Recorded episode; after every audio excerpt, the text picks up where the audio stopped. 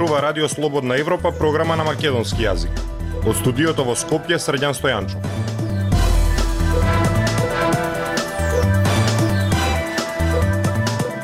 Ја слушате емисијата на Радио Слободна Европа, почитувани. Во неа објавуваме. Рек Битола дава тендери на фирма на своји вработени блиски до СДСМ. Во борбата на шефовите на обвинителството за организиран криминал и финансиската полиција настрада угледот на двете институции. Зошто растат цените на струјата во Европа? Слушајте не. Независни вести и анализи за иднината на Македонија на Радио Слободна Европа и слободнаевропа.мк. Фирмата Компакт МСФ од своето формирање па се до денес тендери добива само од регбитола. До сега од овој државен гигант инкасирале скоро 2 милиони евра. Собственици на оваа фирма во исто време се и вработени во регбитола кои се блиски до СДСМ. Директорот на ЕСМ Васко Ковачевски вели дека сите тендери се спроведени според законот. Зорана Гаджовска-Спасовска. По пауза од една година, фирмата Компакт МСФ се враќа во игра за тендери а договор подпишала со незиниот добро познат клиент Рек Битола. Благодарение на досагашната плодна соработка со Рударско-енергетскиот комбинат, фирмата инкасирала околу 1 милион и 900 илјади евра покажуваат пресметките врз основа на подпишаните договори објавени на електронскиот систем за јавни набавки. Последниот договор подпишан на 28 јуни за набавка на електроосигурувачи и држачи за осигурувачи во вредност од 542.000 денари или околу 8.800 евра. Но оно што е најинтересно за незиното работење и за што веќе пишуваше Радио Слободна Европа минатата година е фактот дека собственичката на фирмата и незиниот сопруг се вработени во Рек Битола. И покрај евентуалниот конфликт на интереси, нивниот бизнис со регбитола не запира.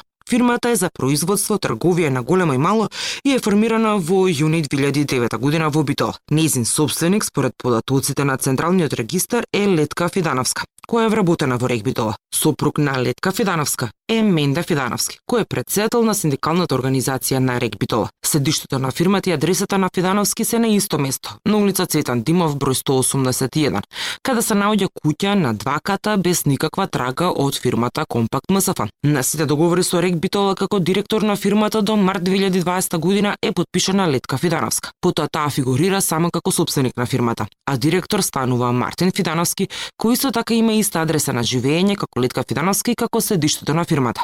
Рек Битола е подружница на Ада Есам. Директорот на Ада Есам Васко Ковачевски вели дека нема прекршување во законските одредби. Според него, ниту можат ниту смеат да ограничуваат кои компании ќе се пријават на тендерите и работат транспарентно и очетно. Така да сметам дека доколку има било каков пропуст или во работењето на АД или Рек или пак во работењето на споменатата компанија, еве повикувам сите надлежни институции или истражни органи да проверат дали тие постапки биле спроведени согласно законите и процедурите и дали има било какво прекршување. Од антикорупцијската комисија за Радио Слободна Европа велат дека надлежната комисија ќе го разгледува прашањето дали постои конфликт на интерес во доделувањето на тендери на Компакт МСФ.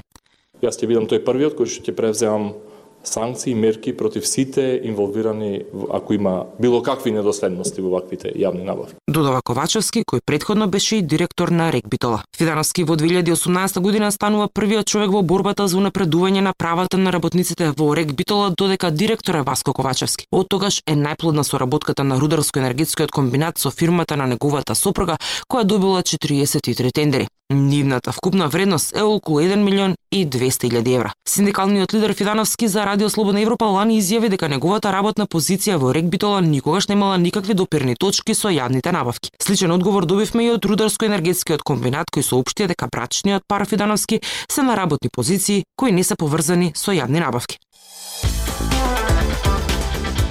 Слободна Европа. Следете на на Facebook, Twitter и YouTube. Тоа што двете главни институции за справување со криминал и корупција останаа без своите шефови нема да се одрази на нивната работа, велат во обвинителството и во владата. Во владата велат дека многу наскоро ќе назначат раководител на финансиската полиција. Во судирот меѓу шефовите на обвинителството за организиран криминал и финансиската полиција Вилма Русковска и Арафат Муареми настрада угледот на овие институции. Пелагија Стојанчова Владата многу скоро ќе му најде замена на првиот човек на управата за финансиска полиција Арафат Муарими за да не трпи институцијата, велат од власта. Суспендираната шефица на обвинителството за организиран криминал Вилма Русковска пак ја менува обвинител кој со годишен план треба да го менува раководното лице. Во случајов тоа е обвинителката Ивана Трајчева. Но за Трајчева исто така јавниот обвинител во вторникот поднесе кривична постапка. Во одговор за Радио Слободна Европа, јавниот обвинител Љубомир Јовески вели дека и иако има постапка за Трајчева. Таа може да ги врши сите надлежности на јавен обвинител. Русковска пак која е суспендирана, треба сите предмети со кои е задолжена да ги предаде на Трајчева. Од обвинителството на Јовески вела дека и тие и обвинителството за гонење на организиран криминал непречено функционираат и ќе продолжат со постапките без разлика на преземеното против обвинителките.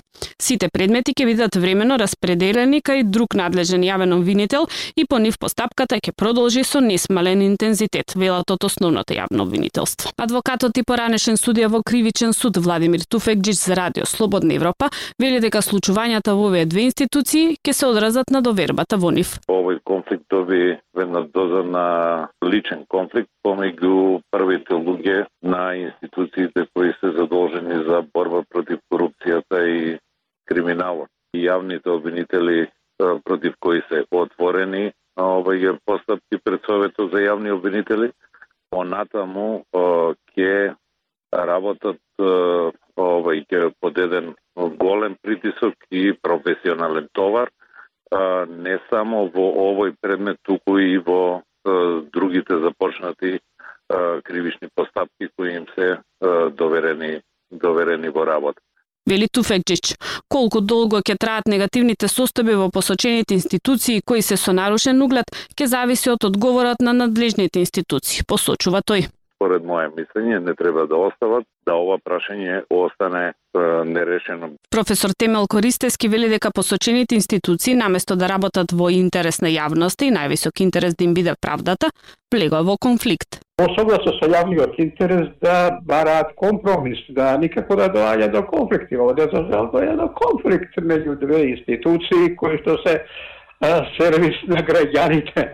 Е, ако тие не се независни, нели, не може да бидат ни ефикасни во служба на правото и правдата. Несоработката меѓу обвинителството на Русковска и финансиската полиција одамна лепди во воздух. Тие се судрија и за случајот со бизнисменот Сеат Кочан. Радио Слободна Европа, светот на Македонија.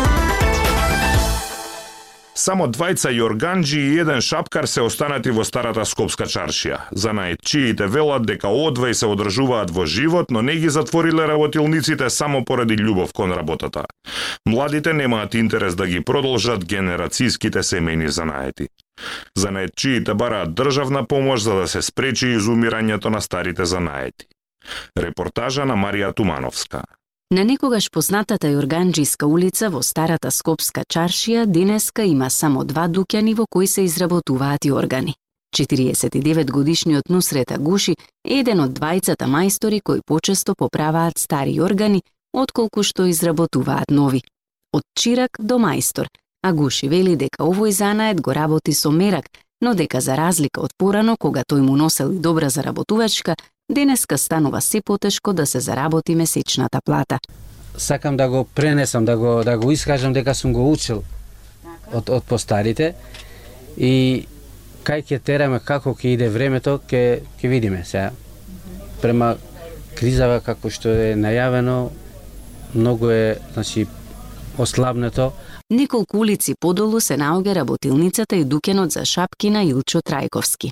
Шапки изработувал неговиот прадедо, дедо и татко, ама се сомнева дека неговите двајца синови ќе го продолжат занаетот кога тој ќе престане да ги изработува шапките. Мојот родител вака ми има кажано. Синко, занатот никогаш нема да те остави гладен, ама не може да те направи да си многу богат. И ја тоа сум го ставил во мојот компјутер или во мојот мозок и до ден денеска така па го работам. Со цел да им помогне на старите занаети да не изумрат, градот Скопје пак објави јавен повик за субвенционирање на стари занаети и занаетчиски дејности во изумирање. 50 занаетчи ќе добијат субвенција од 10.000 денари. Јорганџија, опинчар, јажар, крзнар, грнчар, шапкар, ковач, лимар, копчар, свекер, садчија и самарџија се само дел од занаетите кои имаат право да се пријават на огласот. Тие, согласно обработените податоци, бележат намалување на активноста во континуитет. Трајковски ќе аплицира за финансиска помош од градот, но не очекува дека ќе ја добие, оти како што вели, парите секогаш ги добивале оние кои се блиски до партијата на власт. Преземам од 1990 до ден денеска мене никој не ми дал ништо. Се после знае. Тоа се делат по партиска линија. Занаечиите велат дека 10.000 динари не се доволно за покривање на месечните режиски трошоци и затоа бараат поголема поддршка од надлежните. А, значи, државата треба повише внимание на занаечиите и да, да се подпомогнат.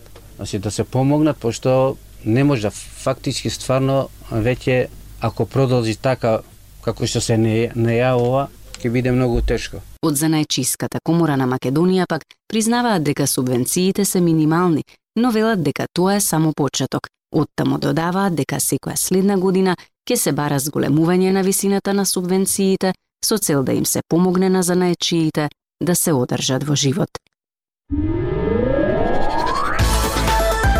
Актуелности свет на Радио Слободна Европа.